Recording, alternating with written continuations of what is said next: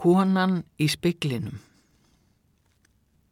Konan í speiklinum vindur upp á sig, snýr baki í mig, þenur herðablöðin, blakar þeim hægt, hefst á loft, flýgur, upp og til hægri, út úr myndinni, ofur hægt.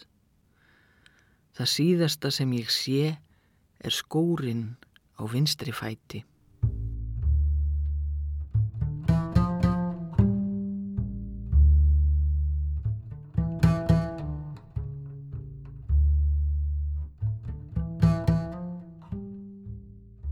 Komiði sæl.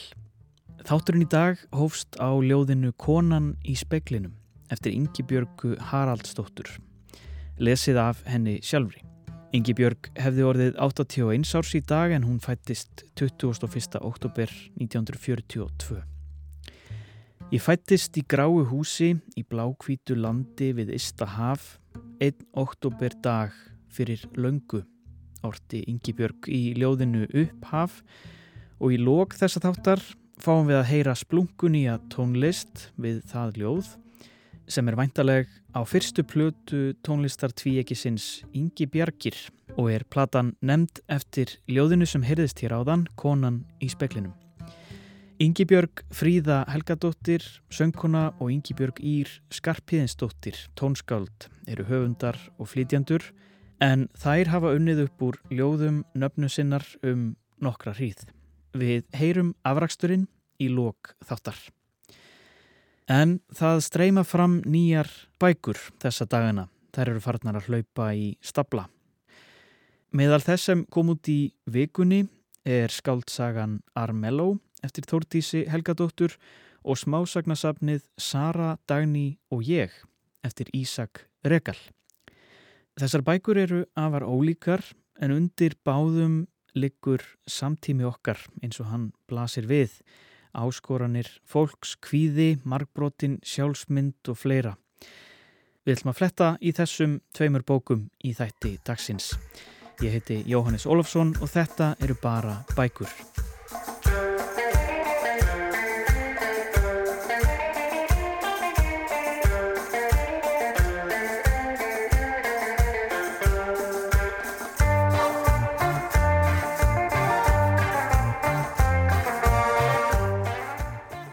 Við skulum byrja að fara á fund með rittöfundinum Ísaki Regal sem var að senda frá sér smásagnasafnið Sara, Dagný og ég.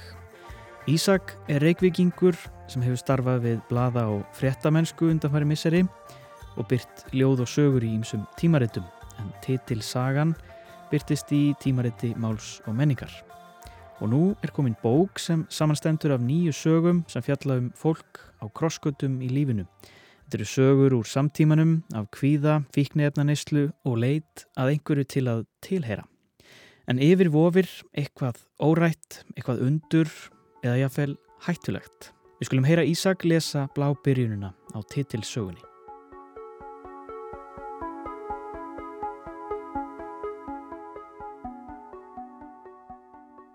Ég er stött í strætó og stór og mikil svört kona horfir á mig eins og ég sé dóttirinnar. Hún er bæði áökjufull og vonsvíkin á sipin. Ljósin í strætónum flökta, perunar er að deyja. Ég reyna að virast eðleg, en vofan í rúðun á vagninum kemur upp um mig. Hún er föl í framann og það eru baugar undir augunum. Ég er á leðin upp í mjót að kopa stykki.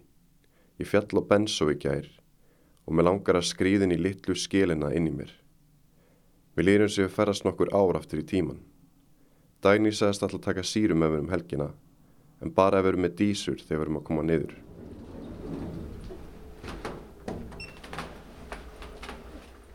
Ég mælti mér mót við Ísak Regal á bókasafni. Við settum sniður í herbergi aðeins til hlýðar við bókahillunar þar sem það er ekki venjan að bladra saman á bókasafnum. Ég byrjaði á að spyrja hann út í áhuga hans á smásögum. Uh, ég var mjög, hef alltaf verið mjög upptökin af smásögum og ég held að því ég byrjaði að skrifa fyrir einhverjum árum síðan þá, þá las ég mjög í Raymond Carver og Hemingway og Alice Munro og Chekhov og svona þessu, þessu helstu smásagna mistara Já. og uh, þetta form bara hefur svo marga möguleika einhvern veginn. Ég held að Fríða Ísberg hafa ekkert mann sagt að þetta sé svona insýn frekar en úrlaust og, og ég held að það sé alveg rétt að, að þú einhvern veginn, þetta er eins og senur úr lífi fólks og þú getur einhvern veginn tekið bara þarna kannski dag eða, eða vikur eða ára eða hvað sem það er og, og þjappa því saman í svona stuttasögum og, og, hérna, og já, ég er mjög hrifin af, af smásanna forminu, hef alltaf verið það mm. uh, þessar sögur uh, þær eru mjög ólíkar og ólíkar personur um, mismunandi hvað svona veitti innblásturinn af þeim en uh, ég, ég var mikið að skrifa ljóð svona 2016-17 mm. En svo þegar ég gáði eitthvað svona tvö lítið ljóðahefti að þá hvað ég að einbeta mér að smásum og hérna og vildi gefa út bók en ég vildi ekki gera nema mér þætti hún nógu góð til að, til að koma út og uh, þannig ég fór að skrifa bara innan smásögu á mánuði og ég held að elsta sæn þessari bók er frá 2017 um, og ég hef einhvern veginn verið að þróa uh, minn stíl síðan þá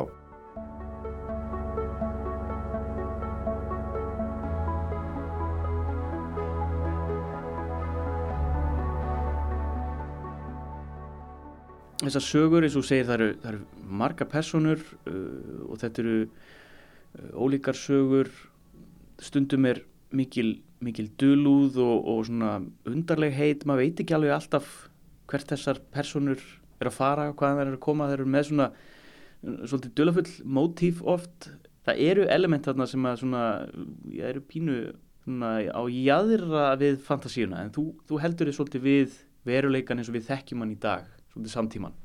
Já, ég held að það setja aldrei málið, sko. Ég hérna, er mjög hrifin að þessu svona það sem er kallað hyperreality eða hyperumröleiki og ég held að sé vegna þess að stíliminn er mjög mikið undir áhrifum frá höfundum eins og Raymond Carver og, og, og rússonum sem var skrifið einmitt um bara blá kaldan raumurleikan einhvern veginn.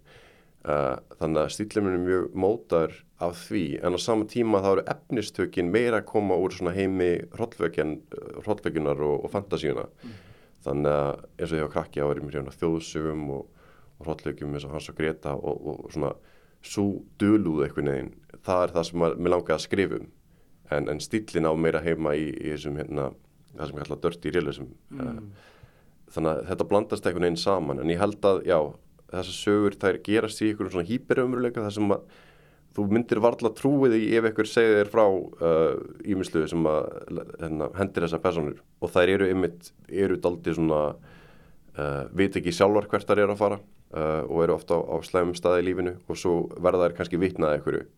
Í einu sögunni þá er hérna uh, fljúmundi förðulötur og, og það er kannski aldrei skýrt hvort að þær hafi raunverulega séð það sem þær telja sig hafa séð. En mér finnst það líka bara mjög áhugavert þetta hérna, með fljúmundi förðulötu er að fólk segist sjá þá en hvort sem að þetta séu gimmur eða ekki er kannski ekki almáli heldur, heldur bara einhvern veginn þessi samfæring og, mm. og þessi áhrif sem þetta hefur að fólk Sögurnar í Sara, Dagni og ég eru að fólki sem gerðnan er í einhvers konar millibils ástandi eða leitað einhverju öðru, samastað eða öryggi.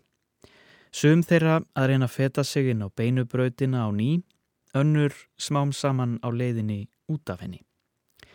Þannig líka fólki leitað sjálfsmynd á tímum þar sem aldrei hefur verið ja, mikið frelsi til að móta sína einn sjálfsmynd út á við, tímum þar sem á að vera svo auðvelt að tengjast öðrum og tilheyra. En samtímis er þetta einmannalegir tímar og einangraðir.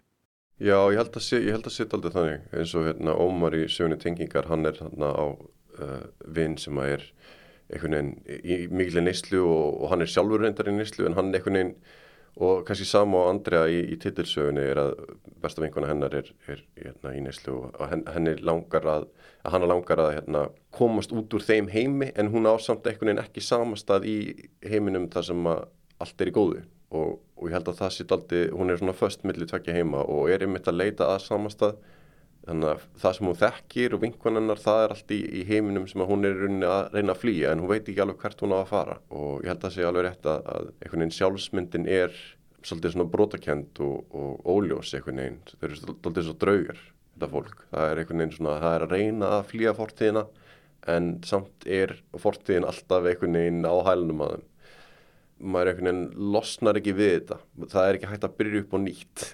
Fólki langar stundum að hérna fá svona fresh start, svona nýja byrjun en þú veist, þú, þetta heldur allt áfram á sömu línu, þú, þú, þú getur ekki bara skipt um persónleika eða sama hvað þú gerir held ég. Sama hvað við reynum. Já.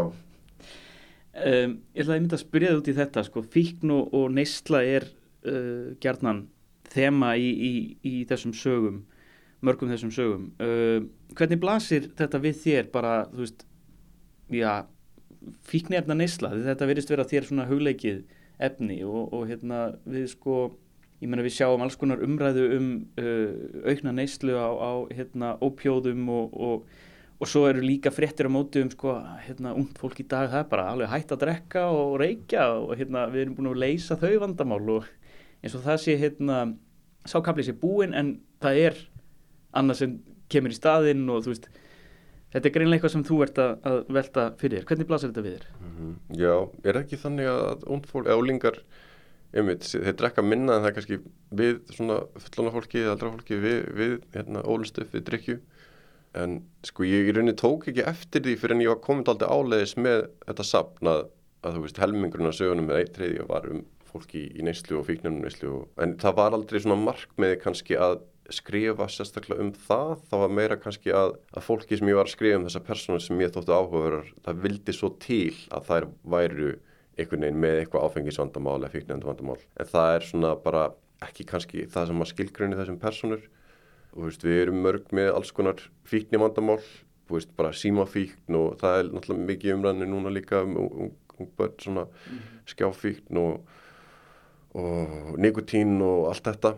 Um Já, ég svona, vildi ekki kannski svona persóna gera það þannig að, að, þau, að þau væri eitthvað svona stereotýpa eða eitthvað. Mm. Uh, þú veist, það er hver sem er einhvern veginn getur mist tökin á, á hérna, neslunni sinni.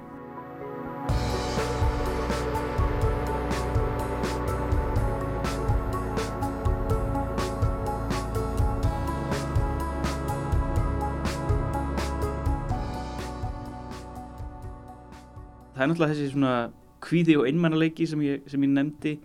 Síðasta sagan hefst sko á orðunum fyrir nokkrum árum var ég sannfæður um að ég myndi deyja ungur. Og það er nú svona það er eitthvað dauði hérna undirliggjandi líka eins og er gerðnan í, í hérna litlum sögum, það eru stór, stór malani Já, það er einmitt í tveimur sögum sem að hérna, koma hver á eftir annari beilgjulengdir og tinga þá er henni fjall það er um missi og dauðan og það er fyrst uh, Lilja sem að hérna uh, vinnunnar eða, eða kunningi strákur sem hún var uh, í stuttu sambandi við deyr mm. uh, reyndar ekki úr, úr fíknarnarislu heldur í mótorhjólaslissi mm. en, en hún er samt sjálf fyrirhandi eða svona þekkti hann úr, úr heimi ég veit ekki, neyslu, áfengis eða eitthvað, hvað sem við veitum kalla mm. og, og svo sagði hann benda eftir þarna tengingar það sem að hann er að minnast vinnir sín sem að deyru ofskamti og já, þetta eiginlega fjallar svona um missi hvort ekki að völdum fíknefna og, og, og hérna, um mótuhjólfarslis en já, ég held að þegar að um, eitthvað þannig er í, í, í neinslu að þá uh, og, og við sáum það bæðir unni í fyrsta sögunni og í sögun tengingar að, að þeir vinir þessa fólks best, besti vinnur Arnórs og, andra besti vinnur Dænir þau, þau fara yfir í þennan heim til að tengjast vinnum sínum. Þannig að þau taka eitthvað efni eða drekka áfengi eða eitthvað og þá eru þau með vinum sinum í þeim heimi. Og, og þau vita að hann er óhollur og, og, og ekki góður fyrir þau en, en þau vilja samt þú voru kannski ekki alveg að fara að taka skref útrunum eða fara hinum einn því þá getur ekki snúið aftur og öfugt. Og ég held að sé þannig veist, hann, hann hittir vinn sinna bar þeir fá sér nokkar bjóra svo fara þeir ekki Jónu og hann er einhvern veginn húnum líður bæ, bæði vel og illa þar en hann veit allavega hvað hann er. Mm -hmm þetta er svona kunnulegu staður og hann, hann veit ekki alveg hvað er fyrir utan og hann er mjög smegur við það. Þannig að hann veit einhvern veginn hann þarf að koma sér út en hann vil á saman tíma vera inni. Er, já, þetta er doldið snúið. Já. En þú nefndir á það líka að, að það væri svona kynnslóðamunur uh, þegar kemur að hérna, neyslu.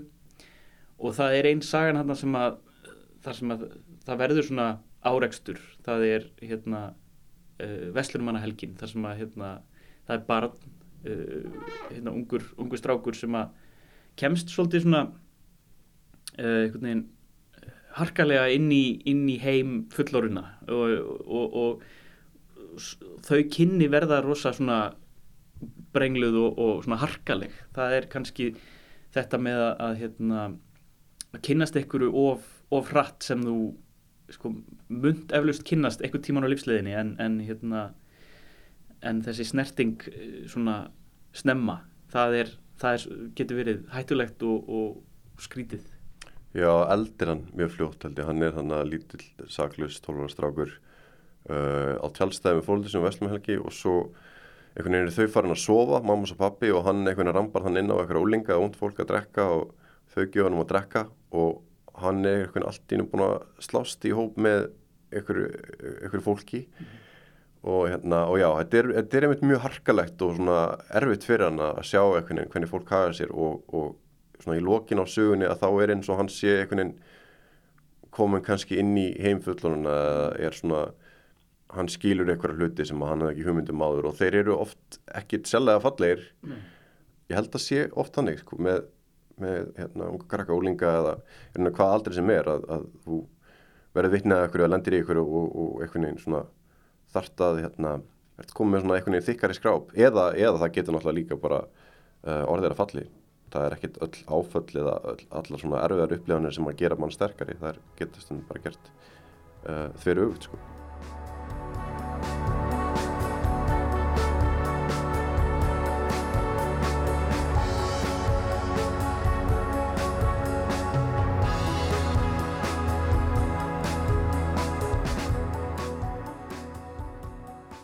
Mér langar þess að spyrja það út í sko, þinn bakgrunn og, og svona af hverju þú fóst að skrifa sögur. Ég veit að þú starfaði svolítið sem uh, blað og fréttamaður. Uh, hefur það haft áhrif á þig og, og svona hvernig þú lítur á bara umkörfið í, í, í kringu þig og, og svona uh, það sem að þú hefur verið að, að skrifa fréttir um? Það kom eiginlega segna sko. Ég var eiginlega komin bara langt á leið með þessa bók og þegar ég byrjaði að starfa í, í fréttamennsku. Þannig að þú veist, ég var eitthvað örlítið, uh, skrifaði eitthvað tvær greinar eða eitthvað þegar ég var hérna, hérna, mjög ungur. En, en ég, mér langaði að vera blaðmör en það var í rauninni kannski aðskilið í rauninni frá skjálfskánum. Það var einhvern veginn svona, þú veist að því að ég hef lesið hérna bækur eftir höfunda sem að er með bakgrunn annarkvort í blaðamennsku eða, eða ljóðum og svo fóru að skrifa sögur og mér leist alltaf mjög vel á það og svo var líka kannski bara það að, að þú veist, ef maður vil raunsæra þá var kannski ekkit svo erfitt að lifa því að vera höfundur á Íslandi en mér langaði þá að vinna við að skrifa. Mm. og, og, það, og þá blaðamennskan er náttúrulega það. Uh, þetta er allt annað form, þetta er allt öruðsi um, en, en já, mér fannst þetta að vera einhvern veginn svona skemmtilegt að, að, hérna, að ég geti nýtt þessa tvo hæfileika hana en, en í rauninni að þá um, þá er þetta daldið aðskilið samt, sko, svona blaðamaðurinn og, og, og reythjöndurinn það er ekki, er ekki mikil tengsla á milli held ég, sko, ekki enn sem komið er allavega Ísak Rekal gefur sjálfur út nýju smásögurnar sínar í Sara, Dagný og ég. Innan um allar bókaútgáfurnar sem gef út á hverju ári leynast oft nokkrar sjálf útgefnar bækur. Og ég spyr Ísak hvernig er að standa í þessu sjálfur. hinga til hefur þetta bara verið fínt sko. Ég hérna, einhvern veginn, ég var rosalega einbetur á það sem ég vildi gera og ég hafði samband við einhver forlögu en það var svona annarkvort ekki nægur áhugi eða, eða einhvern veginn, þetta var að taka svo langa tíma og, og ég ákvað bara, ok, ég, ég ger þetta bara sjálfur og, hérna, og bróður minn er náttúrulega hérna, myndlistamæður og hefur hann uh, plaggött og svona ímislegt fyrir kvikmyndir og, og gerði þessa kápa alveg frábælega vel. Og kærastu minn sá um umblóti hún hefur áður gefið út bækur uh, eða það sem hún er sérst, sér um umblóti og, en það var eh, svona viljandi gert að vera undan jólabókaflóðinu. Ég hafði heyrt það frá fólki sem hefur gefið bækur að nýjir hundar geta týnst í, í flóðinu. Þannig að ég ákvaða svona ok, þetta er kannski betra að gefa hún út í september eða oktober uh, en jólabækunar er náttúrulega að koma út núna. Það eru byrjar að koma út held ég. Uh, en ég veit ekki, það verður bara alltaf að koma í ljós. Þetta er, þú veist, ég veit ekki hvort ég mæli endalega með sjálf útgáfu en ég mæli heldur ekkert að móti. Ég held að sé bara, þú veist, hvort þú þekki fólk og, og, og hvað það stendur og, og þú veist uh, en ég fekk náttúrulega tvo mjög góða yfirlesara og það var einhvern veginn, það var ekkert því til fyrirstöðu að, að gera þetta svona Mm. uh, og svo er náttúrulega líka bara bókaforlega á Íslandi sem eru, þú veist, kannski ekki þau stærstu og eru það lítil að, að þú ert þú veist, ef að þú getur gert þetta sjálfur að þá held ég að, hérna, að þú missir ekkert þú, þú, það glatast ekkert að ég að gera þetta þannig ef þú getur gert það vel, en eins og ég segi þú veist, ef að, ef að ég hefði ekki verið með eitthvað til að gera goða kápu og svona, að þá hefði ég kannski ekki, ekki, ekki gefið þetta út sjálfur að því að ég vildi gera þetta vel eða bara alls ekki Hvernig svo með framhaldið? Ertu, ertu með fleiri bækur í kollinum eða kannski gefa þær líka út sjálfur? Sko ég er, ég hef verið að hugsa um það í langa tíma að skrifa sjómastætti um, langt alltaf að gera það og, og sögunar mér eru það svona það er mikið að sambræðum og, og, og byggist alltaf á, á díalóg og svona þessari spennu. Mm. og já, það er eitthvað sem ég er hugsa um að skrifa handrita að sjómastættum eða kveikmynd, ég er ekki komin uh, ég er ekki byrjaður á annari bók en eitt slíkt. Ég skrifa svona um ljóðsnum mínu frítíma og svo fylgist mér fréttum og reyna að finna eitthvað þar.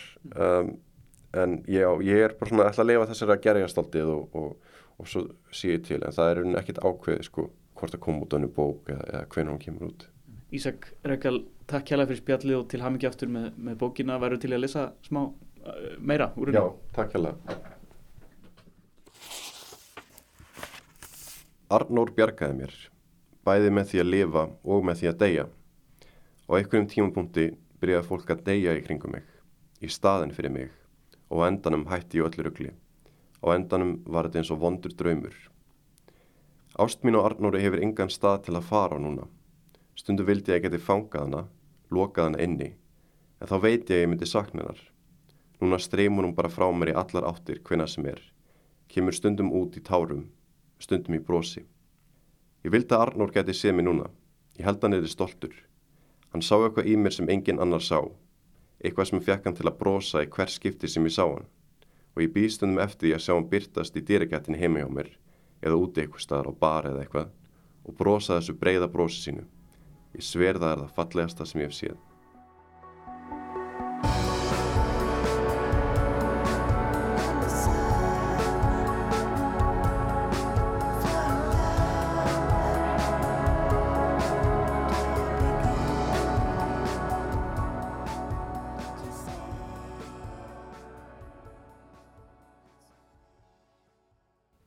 Í útlöndum.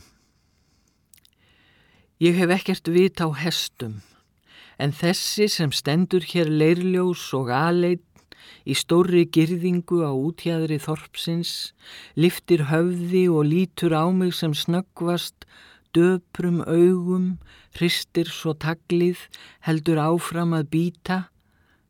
Skildi hann vera langt að komin og skildi hann muna Míkra gras og grætna.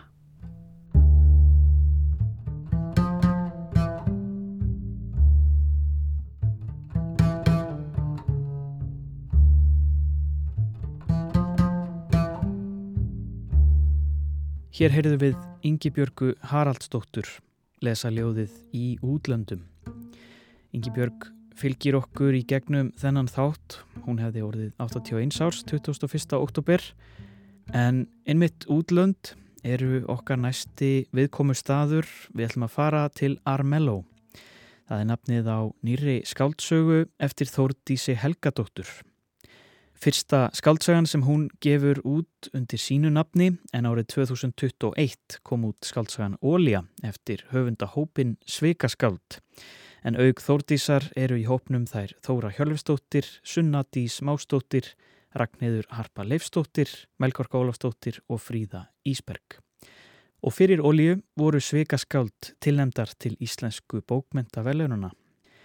Þórtís Helgadóttir hefur líka sendt frá sér smásagnasafn Keisara mörgjasir árið 2018 og ljóðabókina Tanntaka 2021. Á samt öðrum skrifum í tímaritt og fyrir leikhús. En Armello er nýjasti áfangastadurinn og við fylgjum Þórtísi þangað.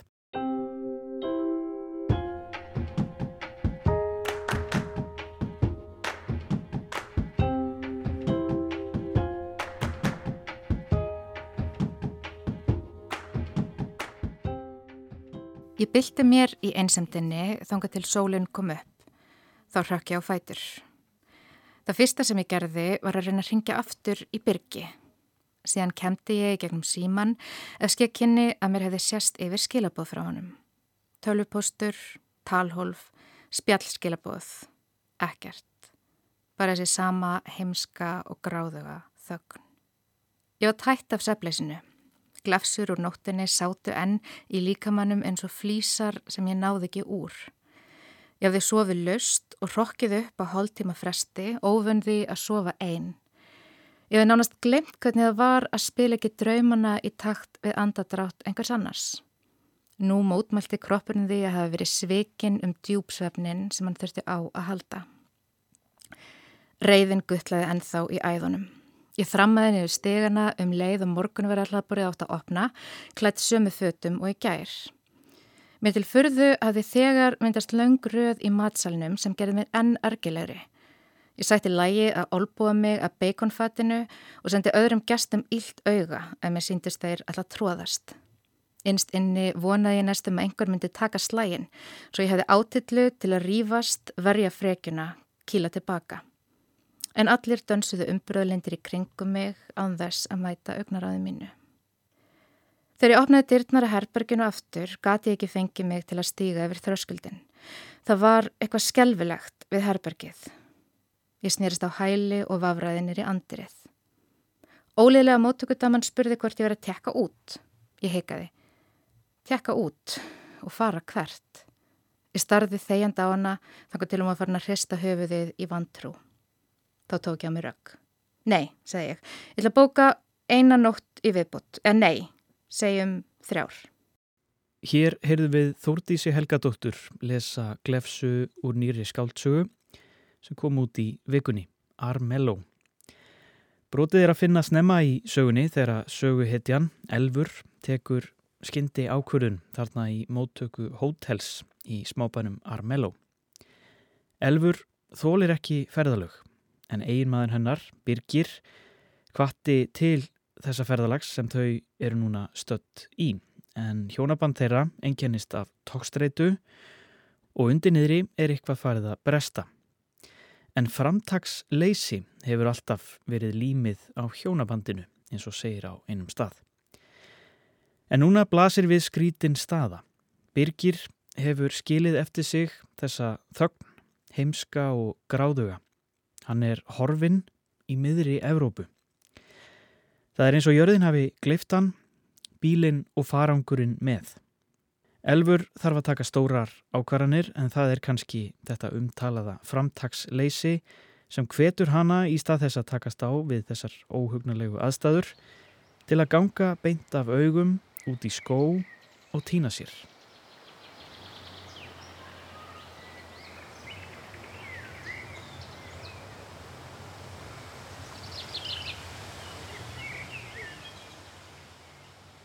Þórtís Helgadóttir, verður velkomin í þáttin og til hamingjum með nýju bókina.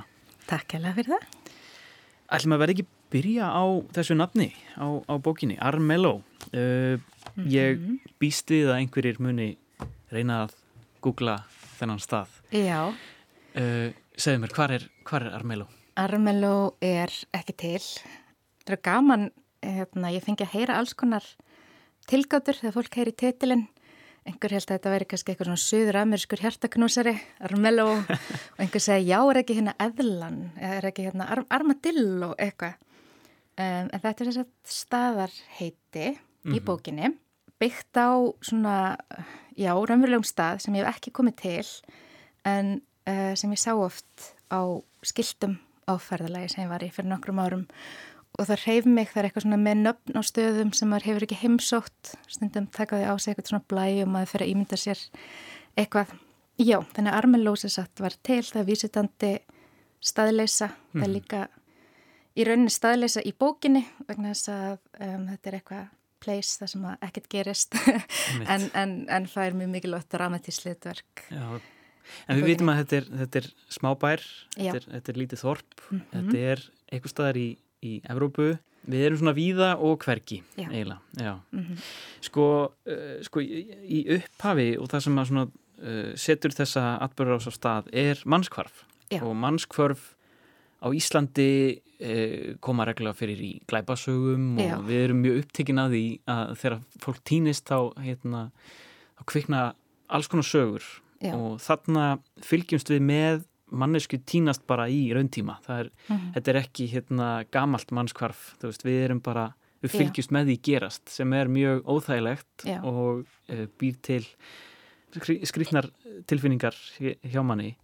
Akkur vildur við nálgast uh, þetta augnablík með hérna, hvernig kviknaði þessi hugmynd að segja frá mannskvarfi? Já, það er góð spurning. Það, er svo, það var svona alveg fyrsta frægið og það er oft svo erfitt að vita hvaðan það kemur. Hefur þið týnst í útlöndum til dæmis? Já, já, já. já, það er þetta með útlönd sko. Um, að vera á okkunum stað og, og í einhverjum fjölda sem við náttúrulega erum ekki vön hérna á Íslandi. Um, að þá er bæði, já, það er eitthvað svona háski og svo pínu lokkandi kannski eftir í hvað típa maður er að láta sér bara hverfa og falli fjöldan einhvern veginn. Mm -hmm. Um, já, þannig að það, það er komið þetta. Svo náttúrulega annað að týna einhverjum öðrum. Mm -hmm. Það er, uh, það er ekki jafn svona notaleg tilfinning. Nei, einmitt. Nei, að maður segja, þú veist, að við séum með, þú veist, tvö mannskvörf vegna þess að það er manniska sem hverfur og önnur sem að svona eiginlega lætur sig hverfa. Já, þú ert með þessar tvær, tvær personur, þessi hjón, Elfur og Birgir. Já, Mjög ólíkar manneskjur já, og hjónabandið þeirra er svona, eh, það, þetta, þess, þess, þessi ferð sem þau fara til, til Armeló, uh, það svona reynir svolítið á þeirra karaktera já. og Elfur er ekki, ekki mjög til í, til í ferðina. Elfur, einmitt, þetta, þetta ferðast á konu sem að hatar ferðast í rauninni. Hún vill ekki vera þarna, um, en hún hefur heldur ekki í sér að mótmæla manninum sínum þegar hann vill endilega að þau fari í svona roadtrip um Evrópu á okkur um bílalegu og Armelu er hérna eitt stopp sem hann valdi og hann hefur skipulagt þetta allt og hún svona þvælist með.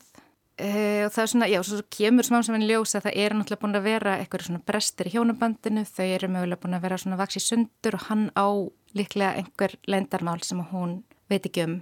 Og svo sérst, hverfur hann skyndilega og bílinn hverfur, farangurinn allt og hún er bara ein og allslaus í einhverjum litlum bæ einhverstaðar í raskati og þarf að bregðast einhvern veginn við þessu. Mm og það er svona hennar helsta enkenni allan í eigin augum. Þá er, þá er hennar helsta enkenni bara eh, svona að vera ekki gerandi í einn lífi að bregðast ekki við aðstæðum og bara svona bara svona einmitt, þvælast með. Það er líka að tala um sko að framtagsleysið hafi verið límið í hjónabandi. Já, já það er svona, hún, hún sér það þannig að, hérna, að, hvor, hvorugt þeirra hefur einhvern veginn nokkuð tíman, þú veist, hvorugt þeirra hefur nógu sterkan vilja til þess einhvern veginn að íta, íta þessu áfram, þannig að þau bara svona reyna aldrei að, að hérna, hafa neina áhrif hvort á annað. Og það er svona hennar sjálfsmynd er bara þetta framtagsleysi og svo allt í hennu er hún í aðstæðum þar sem að það er ekkert hægt, hún verður einhvern veginn að bregðast við og þá kannski fer hún aðeins af hjörunum, má segja. Já, hún tekur mjög svona afdreifaríka ákvörðun og týnir sjálfrið sér en finnur eitthvað annað sjálf líka. Þetta verður Já. svona svolítið, svolítið svona skoðun á henni. Já, þetta er svona svolítið portrætt af þessari, eða svona karakterstúdía um, af þessari mannesku og svona, já, svona huglegging um sjálfið, hvernig við mótum sjálfið og, og hérna, skiljum okkur sjálf á, á tímum, þú veist, ofgnóttar.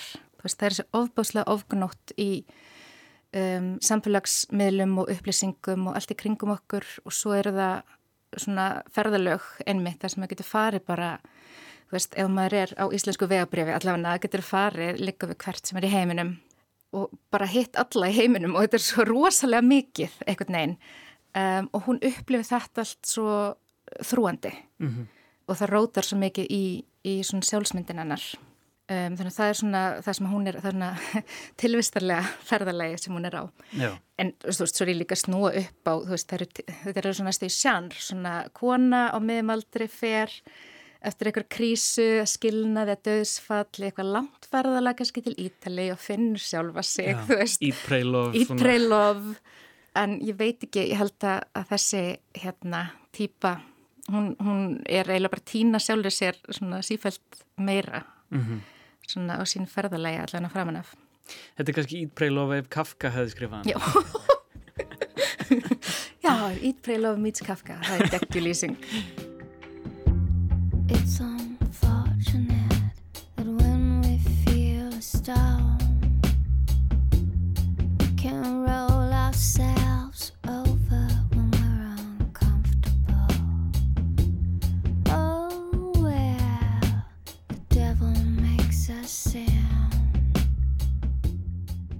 Mér langaði að spyrja út í þetta að þurfa einhvern veginn að takast á við svona atbyrða því að hún er svolítið, já, knúin til þess að gera eitthvað og, Mhm. og taka afstöðu sem hún hefur verið að, að fresta og forðast Mm -hmm. og hún hattar að ferðast en þarf einhvern veginn núna að ferðast ein, ein á báti Já, og hérna og það kannski, ég setti það svolítið í, í stærri samengi, stærra samengi við uh, að því hún nefndi líka svona uh, okkur í, í nútímanum með alla samfélagsmiðlana og svona, þú veist, við erum tvöfalt sjálf já. Út á mhm, við Einmitt.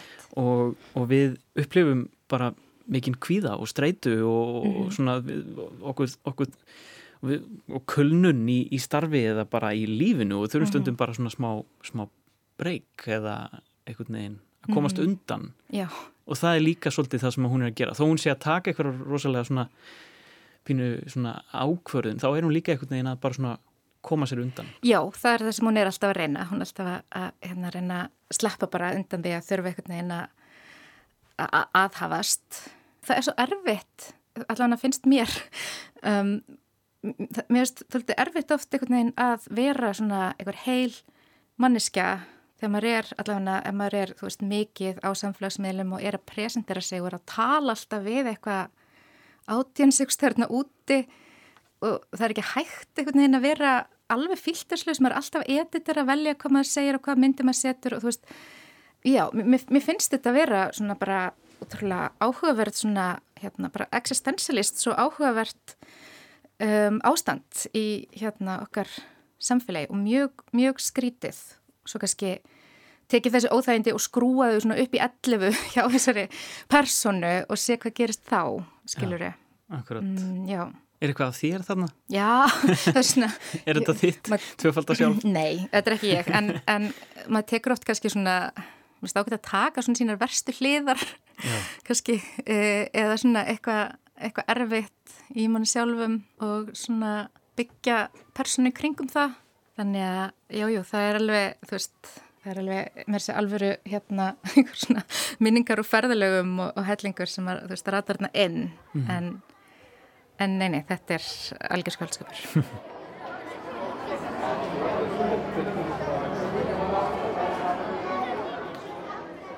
Það sem að Birgir er að fást við þegar við ræðum hann aðeins um, hann er náttúrulega í uh, svona nýsköpun tækni heiminum Já.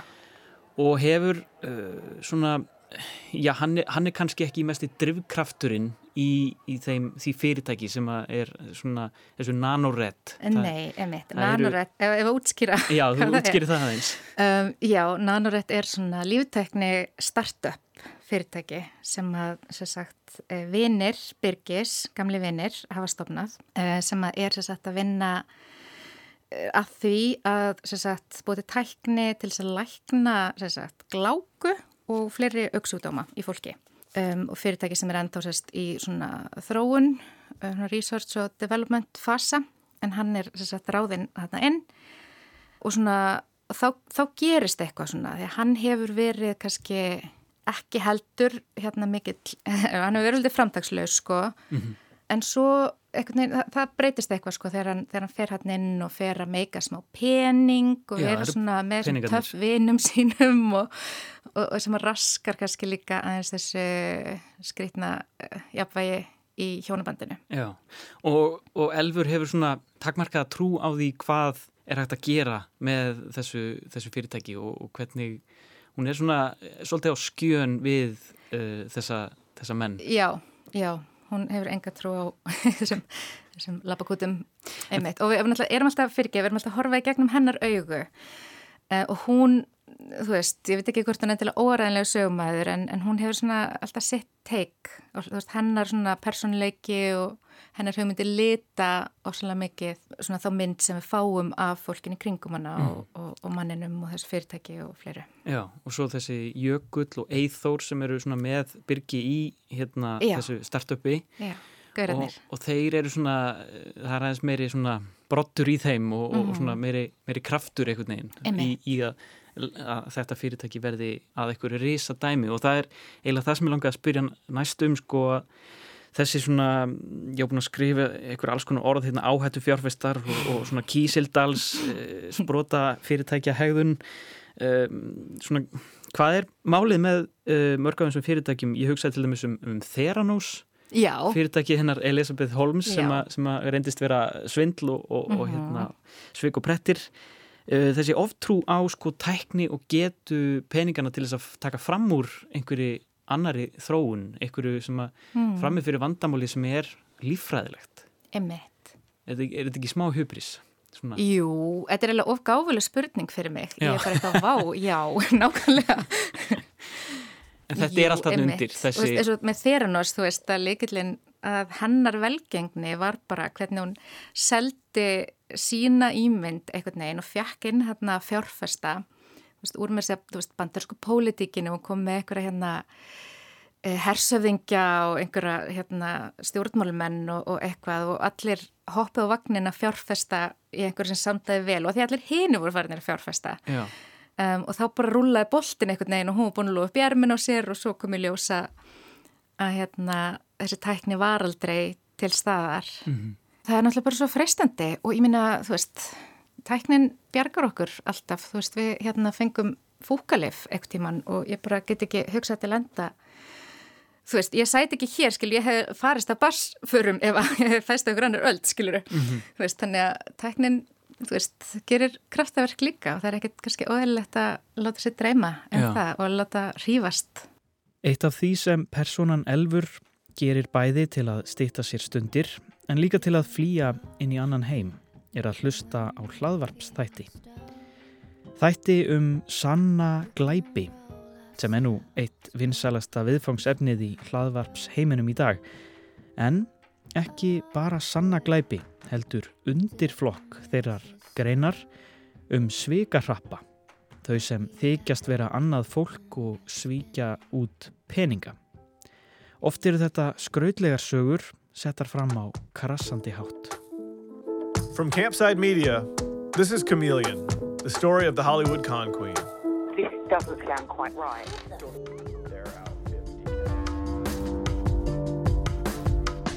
From ABC Radio and Nightline, this is The Dropout. Chapter 1 Myth Making. Dr. Rouge looked unstoppable. Then, in late 2017, Dr. Rouge disappeared.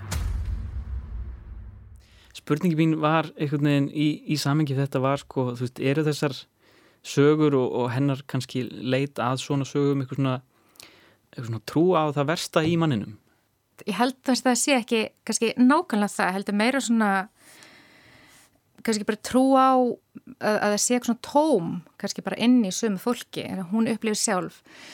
Þessi podcastu er alltaf, og þessar sögur veist, það er alltaf verið að leita að þú veist, mótífinu. Bara þú veist, hvað hérna drýfur þessa mannesku til að ljúa þessu og gera þetta? Og það, þú veist, oft er þetta náttúrulega bara peningar og að græða pening Um, en það verðist ekki að duga alltaf sem skýring vegna þess að fólk, þú veist, er fangelsað og heldur áfram og næst strax aftur og svo er fólk sem að græðir, eh, þú veist, bara miklu minna en það getur gert ykkur heiðalegri vinnu með sama vinnuframlegi og það er, hérna, það er alltaf þessi, þessi pæling, sko, það er alltaf, ok, við viljum vita hvað hva líkur á baki, þú veist, hvers konar manneski er þetta? Og Elfur, henni finnst það verið búin að sjá út að þetta fólk bara sé bara eitthvað svona hismi, það er bara lítur út þessu manneskir en það er tómt, þannig að þetta er kannski svona trú á þú veist, ekki kannski að versta í eðli manneskinar heldur bara, já, að sé til eitthvað flokkur af fólki sem er ekki alveg fólk og kannski svona svo djúpur ótti um hún getur fallið í þann flokk sjálf. Armeló er nýkomin út, þetta er spennandi, förðuleg, áhugaverð saga. Þórtís Helgadóttir, takk hjá það fyrir komuna. Takk hjá það fyrir mig.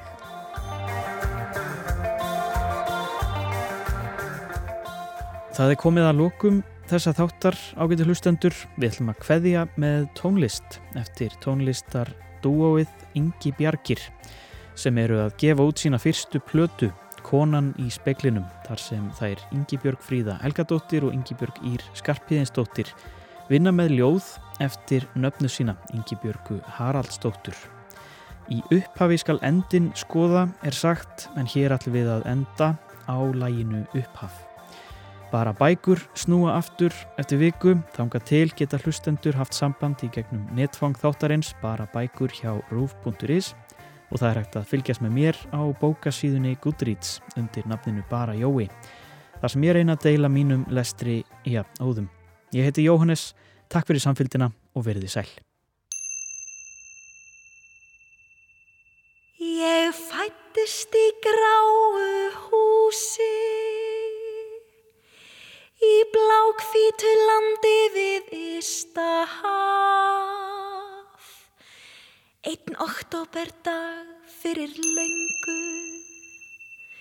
Í landinu því var skóur mikill og forn og dimmur og draugar riðu þar hjá. Ég fættist í gráu húsi í blákvítu landi við Ístahaf einn oktoberdag fyrir löngu.